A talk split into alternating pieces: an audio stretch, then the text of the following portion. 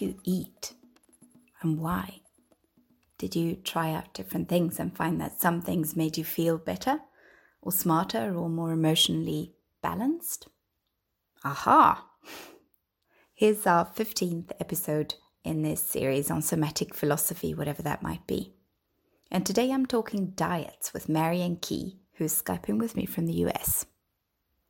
It's actually not today per se, since we recorded this session first once when I failed to actually record it, and then again on July 23rd. Edited and published today, five months later. But never mind. Here you go. Enjoy.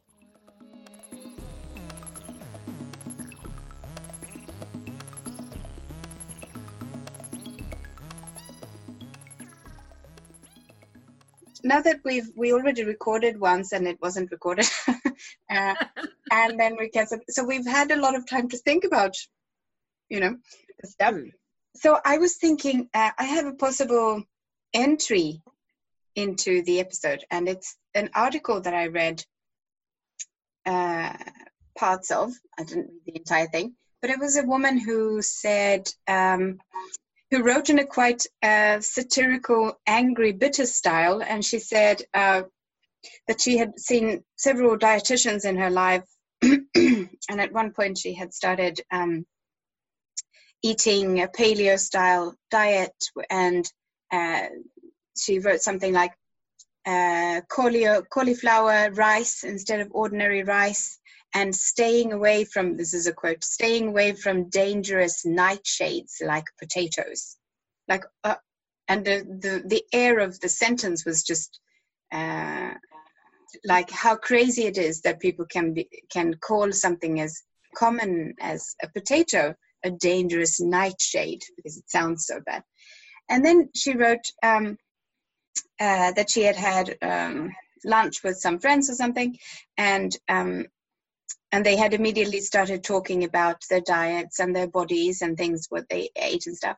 And she called out for uh, uh, couldn't all all of us women in the world uh, see how if we can meet at all without mentioning our bodies and our diets.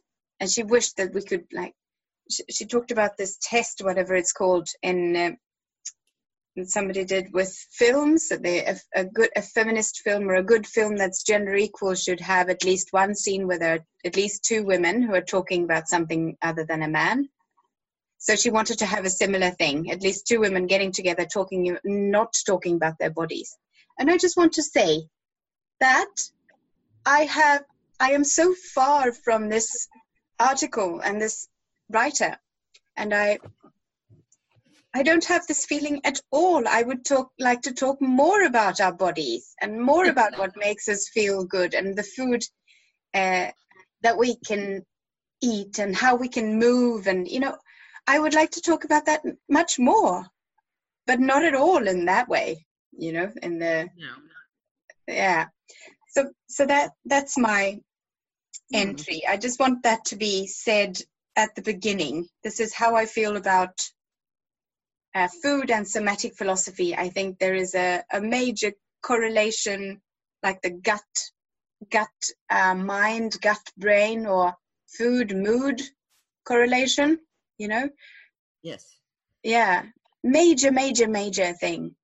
I've I've seen my whole life change completely. All my allergies, uh, for a simple thing, but also my general uh, well-being and balance and lack of anxiety and stuff that is di- directly correlated to what I eat. Yes.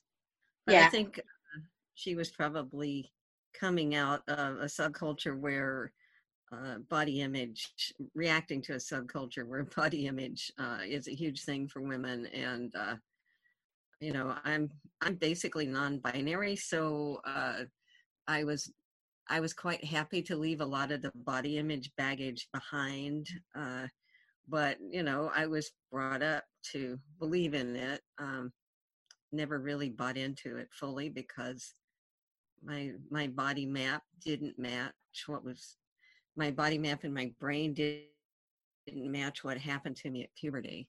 Uh, so, um, because uh, you know, I'm this brain as a map that says I'm in a female body that does not have breasts or hips. Yeah. so uh, it was it was pretty uh, difficult uh, to gain so much weight inside of a month when puberty hit. I gained probably about 12 pounds. Uh, and it was all, you know, in the usual places. And to be carrying around all this stuff, it took years to get used to it. Uh, so I was very um, body conscious and um, felt quite shamed um, because people kept saying you're clumsy. Well, yeah, because my body map doesn't mm. match these things that grew on me. Um, mm. so, but mm. am I going to say that? You know, as a preteen? No. I mean, um, you know that you think that grown-ups are in charge of the social world. God knows I wasn't. Mm. Uh, and um, I was usually happiest when I was around people that just never went there. So for me, it could could be a relief not to be talking about body appearance, but I could talk all day about body health. yeah, yeah. I, it's it's sad that it became an appearance thing. That the body became the appearance. I want to, yeah. That goes right along with with women as property, mm-hmm. um, you know, and viewed in female bodies varies between cultures, as you know, mm. and and also varies from era to era, and so it's kind of arbitrary. Um, some cultures value bodies that look very fertile in women, and some cultures value bodies that don't.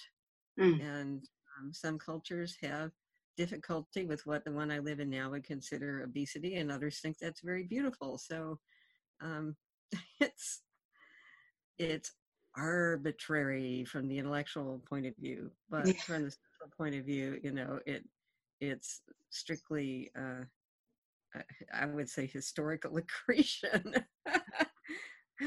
because I'm on the autistic spectrum. Um, I I can see fashion come and go. Mm. I don't buy into it very much. Mm. Uh, some fashion I think you know looks great. Other fashion just leaves me spinning in the dust. Some of it I couldn't care less about. Um, I come at it individually and cultures come at it culturally. Uh, things that are um, that feel important to talk about is sort of um, uh, the emerging science that has that connects gut flora with things uh, with um, uh, spirituality, allergies, autism, anxiety. I get that quite easily just by eating candy. If in so after like not just one piece uh, but if i eat candy several days in a row uh, in sweden we have these small candy things. It's very swedish and and it's lovely and tastes great. But if you have too much sugar then uh, I, I i get anxious. I start looking at my arm for instance and i'm like god is that is that normal? Should that dot is that bigger than before? And you know like my my birthmarks and things like that and then um, I have to tell myself quite um, sternly, you know, it's because of what I eaten. If if I take it easy now for at least 36 hours, it takes like 36 hours to get it away. Yes, anxiety is, uh, I think, a frequent side effect of sugar, yeah. and is usually not recognized except perhaps in kids. Uh, uh, for me, sugar can make me irritable or sleepy yeah. or feel better depending on I don't eat very much of it, or or if my blood sugar was low, uh, and it was low in a way where I really did need a spoon of sugar, mm. um, then it makes me feel a whole lot better, and I don't crash afterwards. Um, so I have a strange sugar metabolism. Um, that is, it's not a European one um, because I have so much uh, non-European heritage, and my sister has type two diabetes. So um, I have to be very careful about it. And I know that because type 2 diabetes runs on both sides of the family. So once both sides of the family are partially Native American, and my mom's side is also partially African American, and there's a fair amount of Middle Eastern.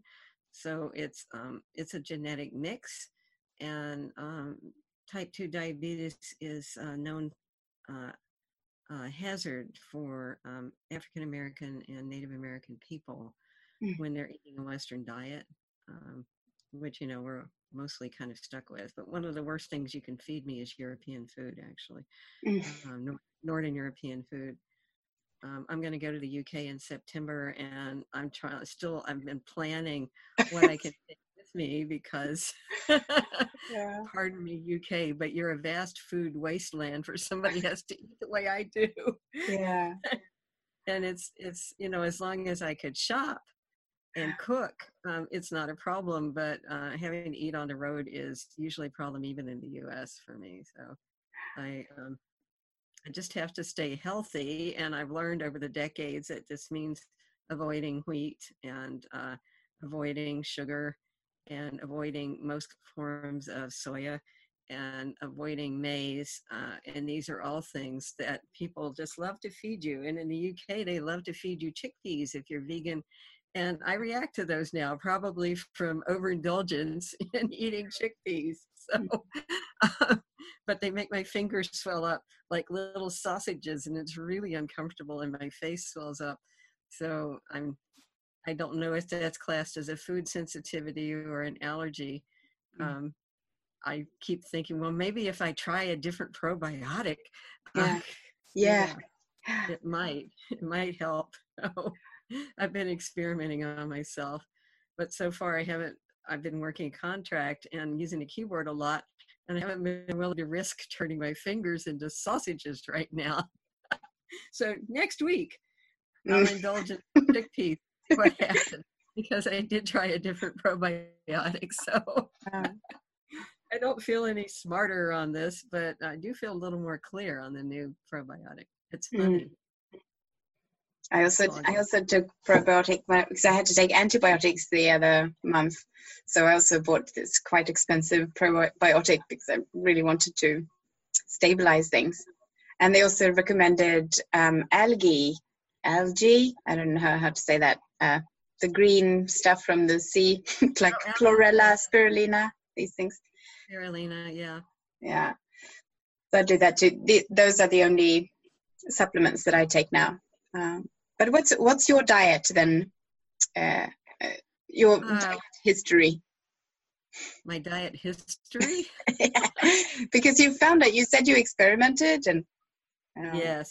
Mm. Um, well, I I was fed uh, what was kind of a normal American diet for the 50s and 60s growing up, mm, which is probably a lot healthier than what the standard American diet is now because it did not include fast food.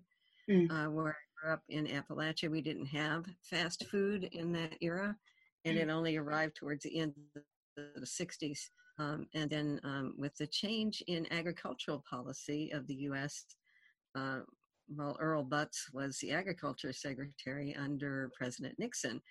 Um, we went to growing more of um, the unhealthy commodity foods that fast food uses. And this drove the fast food industry because those commodities are government subsidized and they were much cheaper. So that's when you get into a whole lot of newer varieties of wheat in America that are softer and grow faster, pick up more toxins from the environment, and are quite unhealthy Yeah. for everyone. Yes. Uh, and- yes. And uh, a big emphasis on beef cattle, um, which is not all bad for Appalachia because they encourage these small farmers to um, use beef cattle as, as a cash crop. And because the terrain's so steep, the government um, actually made available uh, some breeds of cattle that are bred uh, for steep terrain. And it really worked out pretty well for some of these farmers, like my, my father's father, my grandfather, um, who um, ran about three dozen head of beef cattle um, until he died in the late 80s. I mean, for 20 years, he he made beef cattle uh, a cash crop, and in his 80s, because he was born at the end of the 1800s, um, he was still getting up in the middle of the night in January and going and taking care of his cattle and making sure their breath didn't freeze in their nostrils and that they were hurting up in the cold. Yeah. Mm. uh, but um, it was bad for the diet because everybody was eating fast food hamburgers. So we didn't, for us growing up, hamburger was a, a treat and to eat out was a treat. So um, my mother, my mother was a stay-at-home mom for a decade and she cooked. Um, one of the things that she cooked, by the way, was Swedish meatballs and she made them very tasty. Uh, she also made her own bread even after she started going back to work. Uh, and uh, so we had a fairly healthy diet. I ate a lot of vegetables growing up because there was a farm in the family. Um, we could grow vegetables in our backyard, and sometimes my dad did, but my mom wouldn't let us eat them because we lived in such a polluted area. And it turned out that was an excellent decision on her part. That soil is going to be contaminated for a very long time.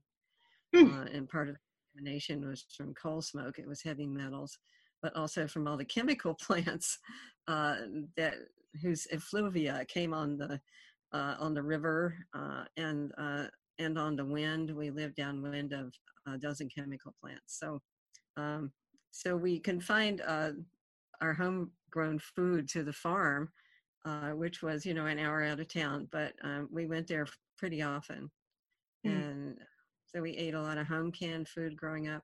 We would go to the farmers market. Um, and buy bushel. My dad would buy bushel baskets of peaches or green beans and uh, tomatoes, and we would can them.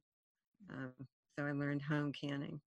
So that healthy diet kind of went out the window when I put myself through college, and I went off to college in Ohio, and the college cafeteria food was horrible. I mean, I, I gained weight as most college freshmen in the U.S. do.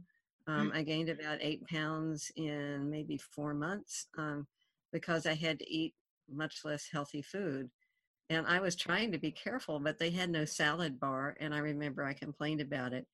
And they laughed at me. And then in my junior year, when I was in my third year of college, a salad bar showed up in the cafeterias. It was like mm-hmm. magic. And the salad dressings were horrible. So I went to the, I walked to the grocery store and got ingredients and made my own and brought it. I didn't have to refrigerate it, so that worked out. Um, I had these dietary standards that came out of people that were still eating out of gardens and off of farms. Mm. Uh, and that has served me well all my life. Um, and I did eventually lose the weight after college was over. It mm. was tough. Um, being ill now and then really helped. I would usually take advantage of that. I was like, oh yeah, I can lose three pounds. Great. Let's try to keep it off. Yeah. Um, but in uh, long, much later, when I was a grown up uh, and had a lot more control over my diet, uh, in my mid 20s, I started cutting out meat. I, I started cutting out pork first because I had grown up helping to take care of pigs and I knew how bright they were. Mm-hmm. And for me, pork became like eating a dog. Mm. And um, we weren't allowed to get attached to the pigs on the farm that we helped take care of, but it was impossible for me to miss how bright they were. Mm. And they had their own quirks and their own personalities. Every year, um, there would be new young pigs uh, in the late spring, and we would take care of them and feed them until uh, late November, Thanksgiving time, U.S. Thanksgiving um, if it was cold enough at Thanksgiving, that's when um, they slaughtered the pigs on the farm. And I hated that. Um, I would go into the hayloft. We were usually there because it was a lot of work to process all that meat. Mm. and so uh, my dad was the oldest of 10 kids, and a lot of aunts and uncles would come over Thanksgiving. And most years it was cold enough to do that at Thanksgiving and everybody would help out. But for the part where they were shooting the pigs and then hanging them up and bleeding them, they would shoot them and cut their throats. You hang you hang the pig and you have a receptacle for the blood. This is the old-fashioned way of doing it, and you know a version of it is still done in slaughterhouses. I would just go into the hayloft in the barn and bury myself in the hay until the shooting was over with. Mm. And I would go near. There was a, a corner of the farm that they used uh, as an abattoir outdoor, of course, and they had the the hanging apparatus, the tripod, and the pulleys and rope for hanging the pigs. And I would just, I mean, they're not hanging them by the neck; they're already dead. They've been shot through the head. Yeah. But you hang them upside down and cut the throat so that while the blood is still fully fluid, it will come out. Mm-hmm. Um, it's necessary. And I ate pork, but I knew where it came from. Mm. and So I decided I wasn't going to eat pork any longer. And that was kind of the start of the snowball rolling yeah. downhill and getting bigger. Uh, from pork, I went to not eating beef. That took about a decade. Um, and then in 1996, I got involved with a spirituality group that was um, uh, lacto ovo vegetarian. And I went to an event where they put on two days where they fed us on a buffet style, and um, everyone in in the hosting group was cooking for this, and the food was incredibly good. And I went, oh, I could learn to cook this way, and then I wouldn't have to eat chicken any longer or fish for protein. so that's when I went vegetarian. Um, it was the year after I, it was several years after I finished my cancer treatment. Mm. Um, and I'd had to go back to eating beef during chemo because uh, the heme iron. I absolutely needed every form of heme iron, um, every way that I could get it into my body um, because I was so anemic. And I was so relieved to have given it up again uh, after two years uh, when my my um, red cell counts finally returned to normal and my hemoglobin was in known territory rather than way way down. Mm-hmm and so I was in the mode again of taking things out of my diet when I went to this event, and I just I went home and I was vegetarian thereafter. Mm. Uh, it didn't take me much longer, a few more years, to figure out that uh, actually I knew that dairy wasn't good for me, and I was eating minimal amounts of it. And then I realized it was contributing to my exercise-induced asthma, so I cut out dairy and a couple of years after that, I realized that actually I'm allergic to eggs and they bother my digestion. Mm. And I cut out eggs, and then I had almost no asthma left once I cut out wheat. Mm. Uh, so, mm. um, yeah, well, you can imagine breathing that heavily industrially polluted air growing up. I had developed asthma as a child. Everybody had it. We didn't think anything of it unless uh, unless somebody wheezed so much that they were in danger and had to go to the emergency room with a collapsed lung or something, mm. everybody coughed. You just didn't think about it. Um, and so I don't wheeze when I have an asthma attack. I cough. I have a really hard time catching my breath, and I can't make it stop usually without an inhaler. Uh, so I'm just really careful, and I have I still have to carry an inhaler, but I don't use it very often anymore at all because I changed my diet so much, and I live in an area with much cleaner air now. Mm. So I went to a completely plant based diet, I guess about 18 years ago. And provided that I stay away from the plants that this body reacts to, mm. um, it's really good for me. And I have no problem getting enough protein. And I finally lost, you know, by, by the time that I went plant based, let's see, 96, I was 39. Um, and I got into my 40s and finally lost those last seven stubborn pounds uh, that I wanted to lose to get back to the weight I was in high school uh, when I cut out eggs and mm. bananas. I'm allergic to bananas, they burn all the way through. And that's probably a cross reaction with latex because I'm allergic to latex too. And um, and it's a known uh, they're they're the plants are actually somewhat related, mm-hmm. um, so it's a known phenomenon. Um, but uh, I'm I'm a lot healthier. My immune system is healthier because I'm not burdening my body with these things that my immune system just wants to react to, mm. or, that have a lot of um, chemicals that they pick up when they grow. Because I eat mostly organic and I let go of wheat um, or all gluten-containing grains. Um, there's a sensitivity to gluten grains that runs in my dad's family. Mm. Um, to do with the Native American ancestry, I don't know, but um, my father had it, and one of my aunts that's still alive, one of his younger sisters, has it. And she and I have remarkably similar eating patterns, except that she's still eating meat. It's mm. really interesting to look at that. We we developed them independently.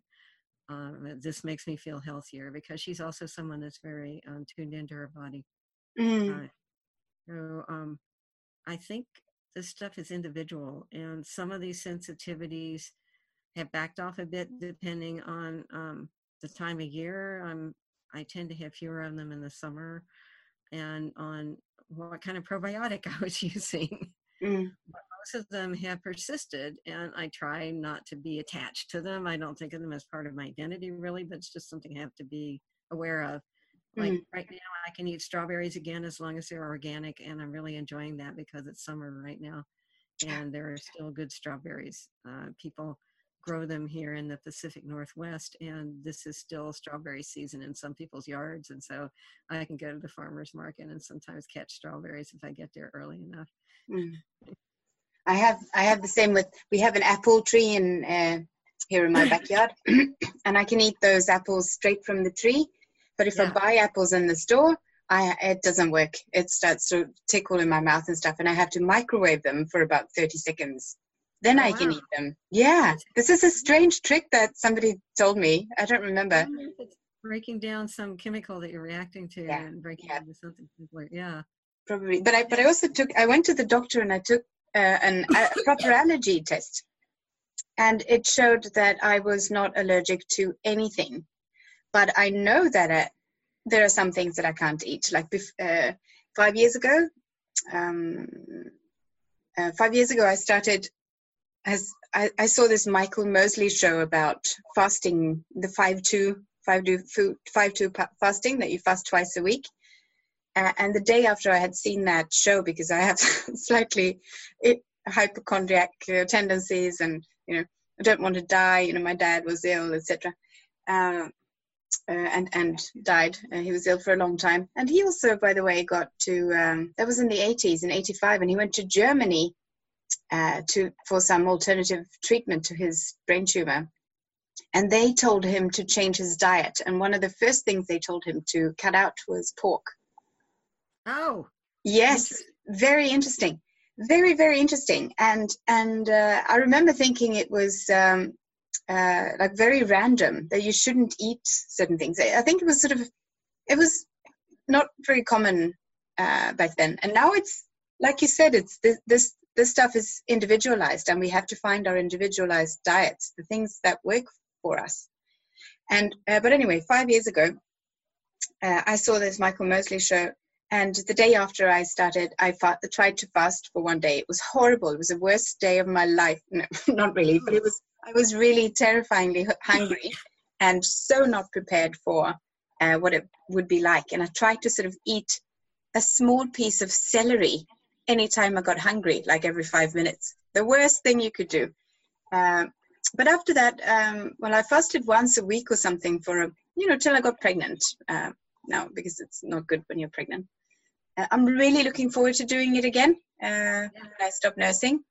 I'm really, really looking forward to it. The amount of energy that I have, the my the skin and my hair and things like how just my body feels, how it feels yeah. here in like my throat and like the uh, the, the difference is enormous. And i was so wrong about um, my blood sugar levels importance for my mental health. I, I used to think that i had to eat every two and a half hours or something so as not to become a monster. But i was completely wrong. I don't need that at all. I can go i can easily go 36 hours without eating uh, I have to drink though. I drink very strong uh, ginger tea that I make myself, ginger and chili, because I also read somewhere that if you uh, eat spicy things, uh, you keep uh, you get full quicker. Yes. Yeah. I think that worked for me too. yeah, yeah. So that was, and then I um, uh, and then some some person at the office told me about 20 years ago she had lived in germany and there had been a little chinese lady who had had used this pendulum to to sort of uh, ask the pendulum what what this person with lots of eczema should eat. And and there was just, suddenly all these bells were ringing. I'm like that's what my that's what happened with my dad in, in 85 that's what they did. He, he had a pendulum.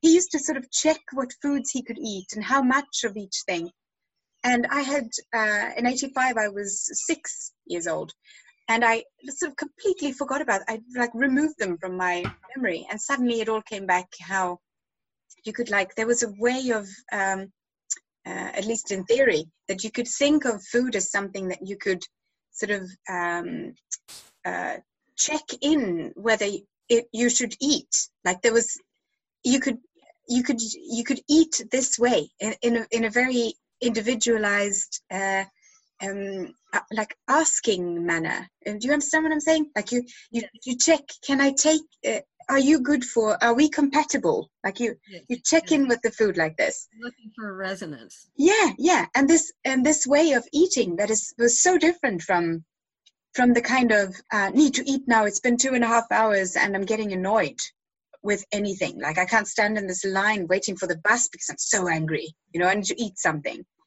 like this that would be the the complete opposite of of how to understand your um uh, not how to understand but like how your like again the the food mood and the gut gut mind connection how the gut tells you something but you're uh, by, by just giving it the same things like bread and sandwiches which by the way is my favorite food so i'm like grieving still suddenly that i i can't have it as much as i would like to I, I can also say that I'm certainly not um, uh, fasting once a week, and I'm not keeping this uh, diet that I know is good for me. So I'm, and then I feel bad about it. So that's like another psychological uh, intertwined thread that I sh- can work on, you know, if I want to.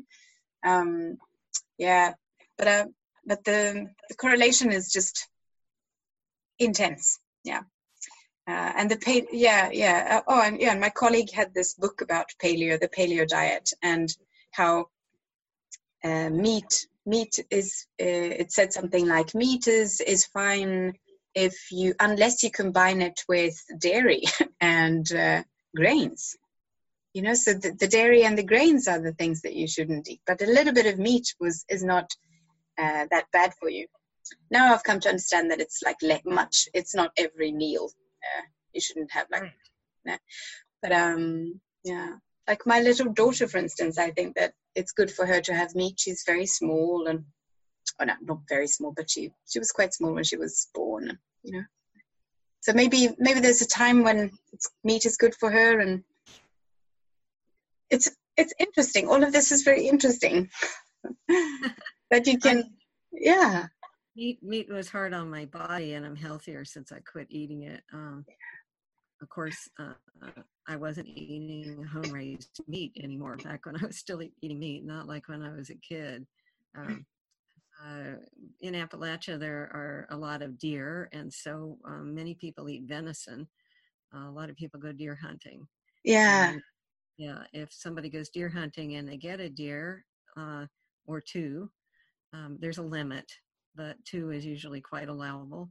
Um, then uh, they'll have it processed by someone who does meat processing, and they'll it'll be cut up and put into freezer size packages, and so then they'll give it away to their friends and relatives and neighbors.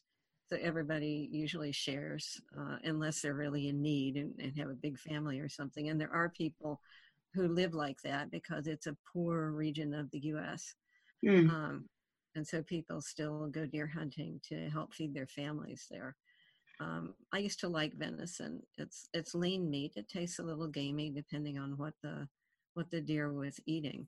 Hmm. Um, mm. But uh, now that uh, now that there's so much fracking uh, in Appalachia, it may not be quite so safe to eat venison anymore. I don't know because I haven't touched meat in you know 25 years. So.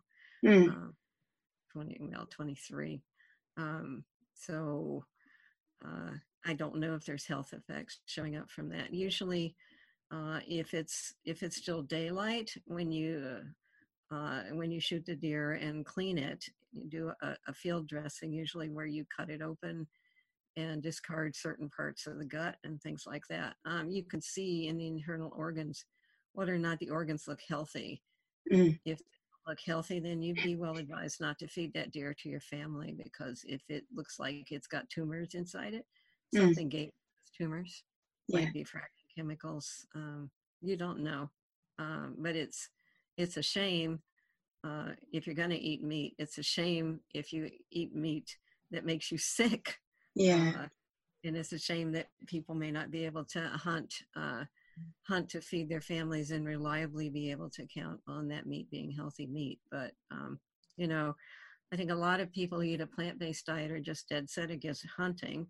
Um, I've seen what happens when deer or other ruminants get overpopulated, mm. and it's not pretty. They starve in the winter. Uh, mm. So right now, um, in most of the U.S., the prime predator of deer is humans, and they should do their job, in my opinion. Uh, but I think if you're going to eat meat, it's honest to eat the meat that you that you brought home yourself. Um, mm. But that's that's my take on it. Um, I was eating fish until uh, until I went to that potluck with all the vegetarian food. Mm. Uh, uh, fish can be, I think, healthy for a lot of people.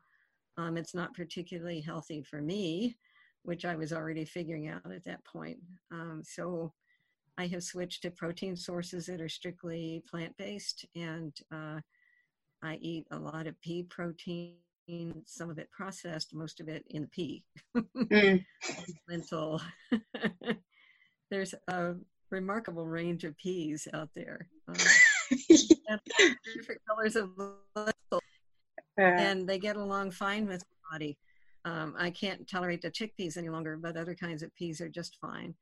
And um, uh, cooking from India, from the Indian subcontinent, uses a wide range of legumes, and I can't eat many of those. Uh, and I eat uh, black beans and white beans. This mm. body have a little problem with red beans. I grew up eating pinto beans. That's Appalachian food. Unfortunately, I don't seem to tolerate them well anymore, and I miss them. Mm. I cut onion and garlic out of my diet, but um, back when I could still eat pinto beans, uh, stewed pinto beans that have been on the back of the stove with a little bit of molasses and some seasoning. A lot of people would cook them with pork, but of course I didn't. And raw onion is a really good combination. Yeah. oh, I love raw onion and onion and garlic. Oh, I love so much. yeah except before we started recording, I went the whole day thinking about what do I want to eat? What do I want to eat? And and what I was thinking that I wanted to eat was like a salty pretzel from uh, with a centimeter of butter on it. Like love that. I love it. I love it. My husband still eats butter. Uh, yeah, organic kind. Of course, I don't. I don't eat it. Uh, kicks in my asthma. So um, every now and then, like every couple of years, I'm like, okay, is is dairy still doing this?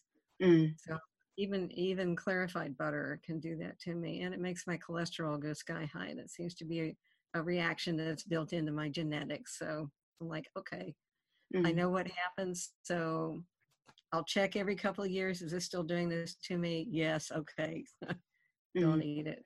Um, in terms of fasting, um, I uh, I try to do my fasting in like 18 hour chunks. Yeah. Uh, seems to work pretty well for me. I'm I'm in one of those time periods right now, uh, and um, it's good. It keeps me clear. I mean, I really appreciate what you were talking about with how it makes you feel so much better.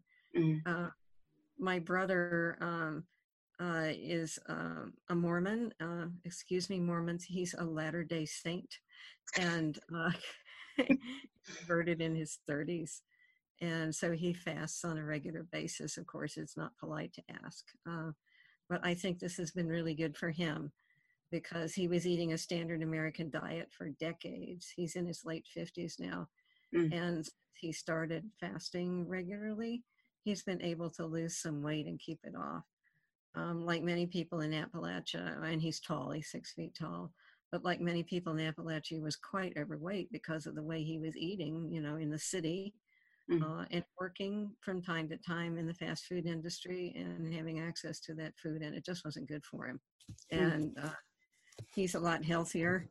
Uh, cooking at home. He's actually quite a good cook. I taught him to cook when we were in grade school um, because um, our mother uh, was bipolar and sometimes she just wasn't available to uh, do things like cooking and uh, so um, he got that skill when he was a kid and it served him very well ever since. He's actually made his living that way from time to time. I think everyone needs to learn how to cook because if you eat you, at least you need to understand cooking and there's no quicker way to understand it than learning how to do it and learning how to shop for food and pay attention to what you're putting into your diet and what you're putting into your body because it's such an intimate choice yes. what you choose to eat. Yeah. And uh, I still get fairly annoyed when I hear people um, judging uh, what somebody else should eat. Uh, you know, why don't you just lighten up and eat like everyone else? I get that from time to time from people that don't know me very well. Mm. And I'm like, because it makes me sick. That's pretty mm. easy. Mm. It's making you sick too, I might add, except that I don't because that's a judgmental thing to say. But um, it's it's a choice that people should learn to make for themselves and make it consciously. I mean, mindfulness is really important. How else are you going to improve your diet if you don't know what works for you and what doesn't? Uh, and it is individual, and so nobody else can really tell you this is going to this is definitely going to work for you. This is definitely not going to work for you. Mm. I mean, I may sit here and say, this is why I don't eat pork, mm. but maybe it does work for somebody else. Mm. So, how are they going to know though if they don't experiment? Yeah, if they don't experiment, but they also mm. need to uh, know how to um, see whether whether they feel good. Like it's it's almost like mm-hmm. we've st- stopped uh, the, the immediate reaction is just to be uh, to think that it's provocative to for someone to suggest that you should eat something else or or that you should mind what you eat or fast. Like fa- fasting is incredibly provocative. I've heard it from so many i've seen it in so many faces if if if it comes up. I'm a little bit uh, afraid to mention it in fact in like uh, social where, where other people are around because people get really really uh, upset and angry and you know and i i have some uh, there was someone also an article that i just briefly looked at and it said something like five the five two diet. Now they don't want us to eat at all. We should starve.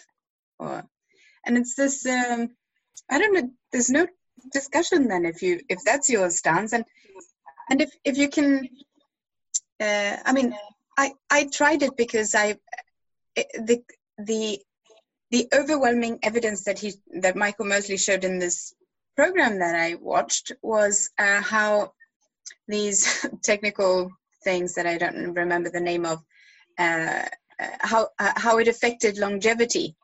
You know that you can you can escape many of the serious diseases that people get, and you can live much longer and i really really want that. I really want that. I want to be healthy. Yeah. I mean i'm i'm fine with living past 100 which may well happen um, in my family line before before industrial before industrial exposure and before um, fast food uh, my great grandparents routinely i mean a lot of them lived well into their 90s typical age to pass away for one of my great grandparents was 96 or 97 mm. and that's that's in my genes mm. um, but probably uh, epigenetically i may have gotten reset by the chemical exposure i had in my childhood by the way that i ate uh, when i was younger uh, before i quit eating meat um, and um, i don't know but i want to be healthy and if i end up living a long time that's fine as you know i'm i'm motivated i'm I exercise. Um, I know that some people have asked me, how did I come out of Appalachia and escape being overweight? Mm. Uh, I quit eating the way that, that people there began to eat after fast food came in mm. in the 70s. And uh, also, um, I have a physically active lifestyle like people there used to have.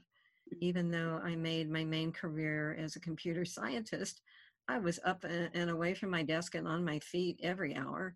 Mm. Uh, and uh, if I was working on a particularly thorny problem, which given I was a researcher, there were a lot of those, I would take a long walk. And um, I still managed to get in my 60 hour weeks, believe me. but I've always lived where there were hills. Uh, and hill walking really keeps me healthy. Um, and I do a little bit of resistance training and weightlifting and stuff like that. I'm careful about it um, because I know um, chemo did a lot of things to my musculoskeletal system that were not desirable. So um, I, I don't my the framework of my body's not as sturdy as it was before all that happened so i respect that and i'm in decent shape um, so how did i escape that i changed a whole lot of things i didn't let the culture tell me you're going to eat like this or this is convenient convenience is very seductive so if you want convenience um, set aside some time in your week to cook at home and keep it in the fridge or the freezer.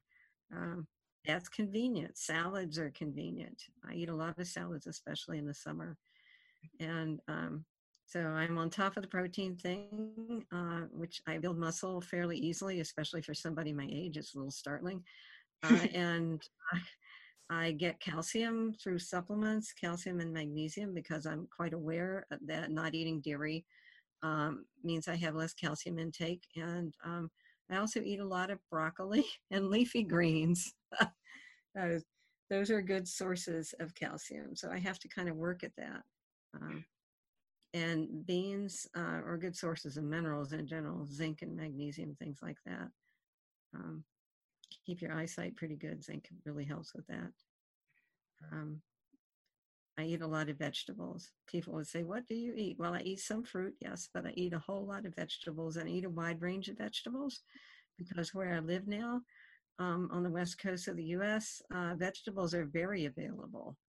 And the growing season here in, uh, in Western Washington state is really long because mm. it's a milder maritime type climate. And also, people have greenhouses and up in British Columbia and Canada, they have greenhouses. So we can get fresh produce all year long. I mean, really fresh. And that's such a luxury. It's convenient, it's seductive. Mm. It may, it may never retire anywhere else and go on living here. mm. Mm. But it's being able to cook that's really been key to my being able to maintain a healthy diet, even when I was a low income person in my 20s. I um, I read on Facebook somebody said being able to cook uh, is is not a skill other than being able to read. Like follow instructions because it's really only about how long to uh, and how how hot to put the pan you know? Yeah. Yeah, yeah friends who eat a raw diet. Yeah. Uh, so they don't cook per se, but they do a whole lot of food preparation mm. because in most cities you can't just uh, find a raw restaurant when you need one. you cook at home a whole lot, and you usually join a group of other people that eat that way and trade recipes and have potlucks and things like that. Mm. But it can be done. Uh, didn't work very well for me when I tried it, aside from being a whole lot of effort, which um, when you're trying to earn a living can be a problem. Mm. Um, it uh, it made me cold all the time. Yes. Chemo, chemo affected my thyroid function, so my thyroid um, doesn't work as well as it used to. And uh, although my, you know, in the blood work, it looks like it's in the normal range, but I know it's different. Uh, so as soon as I was just eating raw food, after a week, I could not get warm no matter what I did. So that lasted about a month mm. for me but it really works for some of the people that I know. Um, mm-hmm. People more normal metabolism than I ended up with. I often get cold too. I often have in the office and stuff. I have this wheat bag that I uh, heat in the microwave and sit with. Uh, skinny people, skinny people are colder. And there was also one in one of the Michael Mosley shows that was um, he he said he had long johns all year round mm-hmm. because he had he had this uh, very low calorie diet or something. Yeah. I wear I wear long johns eight months out of the year mm. where I live. Yeah. And when I was living uh, in the eastern U.S. Uh, in Pittsburgh, which is a hilly area, um, and gets a lot of snow, um, I wore long johns about six months out of the year. Mm. Uh, and I mean, I have I have a pretty good basal metabolism rate. It's just that I get cold easily. Mm.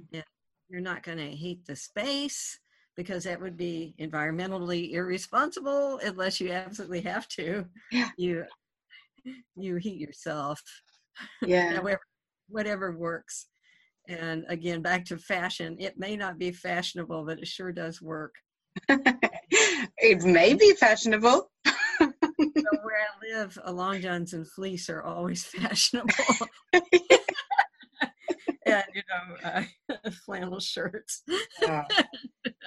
and that's one of the things I really love about uh, Western Washington, where I live, is that people dress for the climate.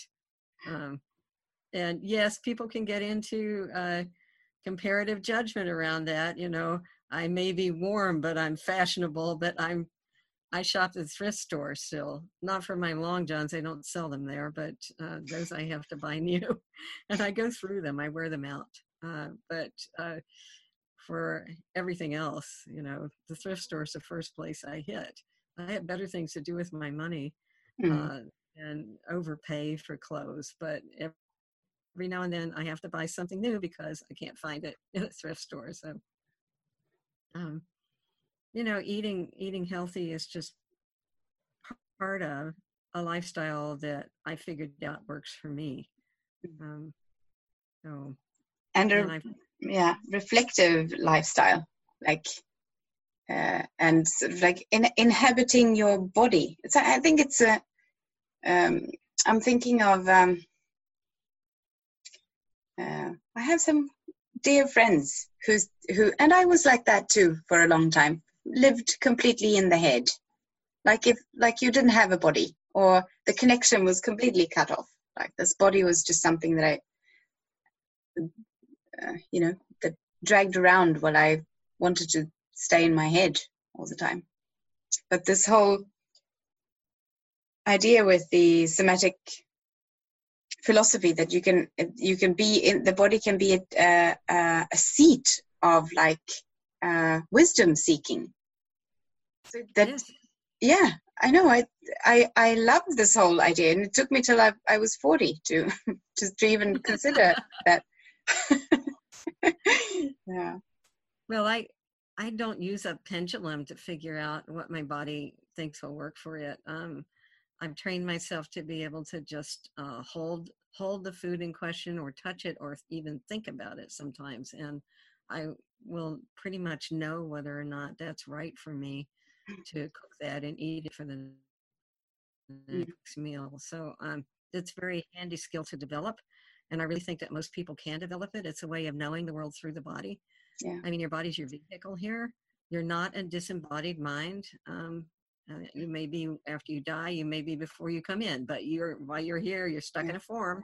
Yeah. You've got a physical body, and um, learning how it works and learning to take care of it and learning what your individual characteristics are um, can help you a whole lot to have a healthier happier mm-hmm. life where you feel good most of the time and where you can help other people is you know it, this is an important point where you can actually if you take care of yourself like they say in the airplane you take the the oxygen to yourself first then you can help the other ones otherwise yes. you, you you're dead you'll pass pass out you know Yes, yeah. I went back to I went back to Appalachia where I grew up uh, in June for a writers conference. I go to it most years, and met met one of my friends who's in his 80s there, and um, he is fairly well taken care of now. His his wife passed away a few years ago, and um, he had to get outside help to come in because he's blind mm-hmm. now.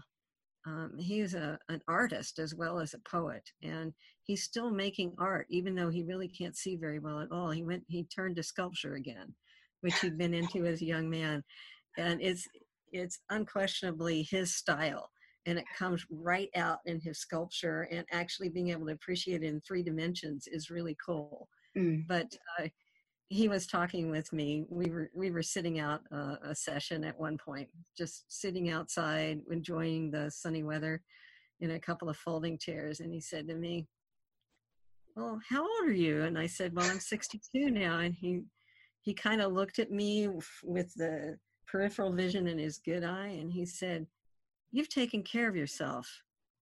And I said, "Yes," mm. because he's he spent 20 years living in the city where I grew up back in the day, and he knows that we die young if we don't take care of ourselves. In fact, for me, um, my three best friends from my growing up years are are all dead. Um, hmm. my my girlfriends because uh, of all that chemical exposure. And I'm I've survived two different kinds of cancer at this point. Um, but he knows that I should have aged a lot more visibly than I have. And partly that's my heredity, but partly, yeah, I learned what my body needed and I made some drastic mistakes from time to time along the way. Um, but I pulled out of them pretty fast because I figured it out. Mm. Uh, so um, if I'm going to be here and be in this this body, I want it to be healthy and I want to be able to use it to do the service that I'm here to do yeah. and to um, make my contributions and enjoy my life. I mean, eating a plant based diet is certainly not about not enjoying life. Mm. what seduced me into it was really tasty vegan food. So um, that's what I eat now. I want to go downstairs and cook now. I'm, yeah. I'm going to do that. As soon as we hang up, I'm, I'm going to go downstairs and cook something. But I have a glass of red wine too. I've just bought this ecological wine from South Africa. It's called something with ducks. They have ducks to uh, keep the vines free from insects and stuff. Oh. Yeah. I'll have to look that up. Yeah. I tried some biodynamic wine uh, from California uh, a few years ago. I don't I don't usually drink any alcohol at all, but um, it was very tasty and it did not drag me down. I have I have this because I know pretty much now what foods give me uh, eczema. I get eczema in my ears, and as you can imagine, it's extremely yes, and you can't itch it because uh, yeah, it drives you mad. Like I, I cried over it, and the doctor just says I have a tendency to get eczema, and of course the allergy test shows that uh, I'm not allergic to anything. So it's it's all my own experimentation now. Uh, but it's it's uh, it's been going very well, and I'm I know pretty much what I can take and what I can't take, and sometimes I have just a little bit, and then I know that I will have some 24 hours of uh, itchiness, and then it will go away. So it doesn't like stay forever. It it's actually it goes away. And then uh, I figured um, I, I, the only alcohol that I drink is red wine, not even white, but uh, only red. Um, uh, and uh, and I figured I probably this probably also gives me eczema. And then a friend of mine told me that you can get this thing called nature, nat- natural wine, because wine is now like the only, the one of the very, very few, um, uh, what's that? Like food items or food or drink items that's not regulated, where you don't have to write the list of ingredients. Ah. Isn't it interesting? At least, yeah, it's very interesting that uh, it doesn't have that uh, there's no law requiring it like it is for everything else you know? Well like uh, in uh, mediterranean areas uh, they will strain the the wine through fish bladders. Okay lovely. And they don't you know you, have to read about it to know whether or not that was but if if the wine is uh says that it's um vegan yeah yeah. and, you know in the states some wine is labeled that way is yeah. interesting. yeah. I had to I had to really go and ask the people in the store. In the Sweden, it's only one one uh, chain that sells alcohol. Maybe you've heard about this, but um, the alcohol laws are quite strict here. You're not allowed to drink anything and uh, before 21. Mm-hmm. Uh, uh, like with um, or, or 18 when you're for some beers and stuff. Never mind, I don't even know the law now. I grew up I grew up with laws like that. So yeah, yeah, yeah. But that's I'm gonna do that. Eat vegetables and have some red wine. Sound. That maybe that should be the focus of uh, an episode two. Sound. Sound. Yeah. I mean, uh, you were talking about disruptive sound before we yes. started talking about food. Yes. Yeah. Sound can be used to hurt or to heal. Yeah. I am yes. super audio sensitive. I like uh, if there are um, uh, sounds from two different directions or something. I get really sort of you have to turn it off and and um, and I have these uh, playlists on my phone with rain sounds to keep everything yes. out and yeah, I'm, I'm really uh, yeah. Problem with using the rain sounds it makes me want to go to the bathroom too often. but you can use wave sounds. There's that too. Yes. Yes. Yeah. Or uh, for me, forest sounds because I grew up with a forest uh, two blocks away, just up mm. the hill, mm. because of being Appalachian, and I live very close to the forest now. Um, so forest or or wave sounds, yeah. Mm. I remember years and years ago, I went to Wales with uh, with three friends, and we went to Aberystwyth, which is the sunniest city in the British Isles, which is not saying much, but but it's a wonderful place, and I really love Wales. Uh, and um, it has uh, pebble beaches, mm. so the waves make this marvelous noise coming up through the stones, mm. and uh, we recorded it. One of us had a tape recorder, and mm. he made a tape and we made copies of it so everybody had a copy of that tape and it was wonderful to fall asleep to. 20 minutes of wave on pebble beaches. I love that. I love that. Oh i'm going to do something about this. Oh good. Um i haven't done anything there yet but maybe i should just record the tram passing by or something but what is Somatic philosophy? Embodied, embodied something? What? Presence? Embodied presence? Could it be fashion? What you wear? I think Somatic philosophy could be fashion. And singing? Yes, like singing in a choir? That must be Somatic philosophy. Follow us on filoprax.com, that's F I L O P R A X.com Facebook or Instagram.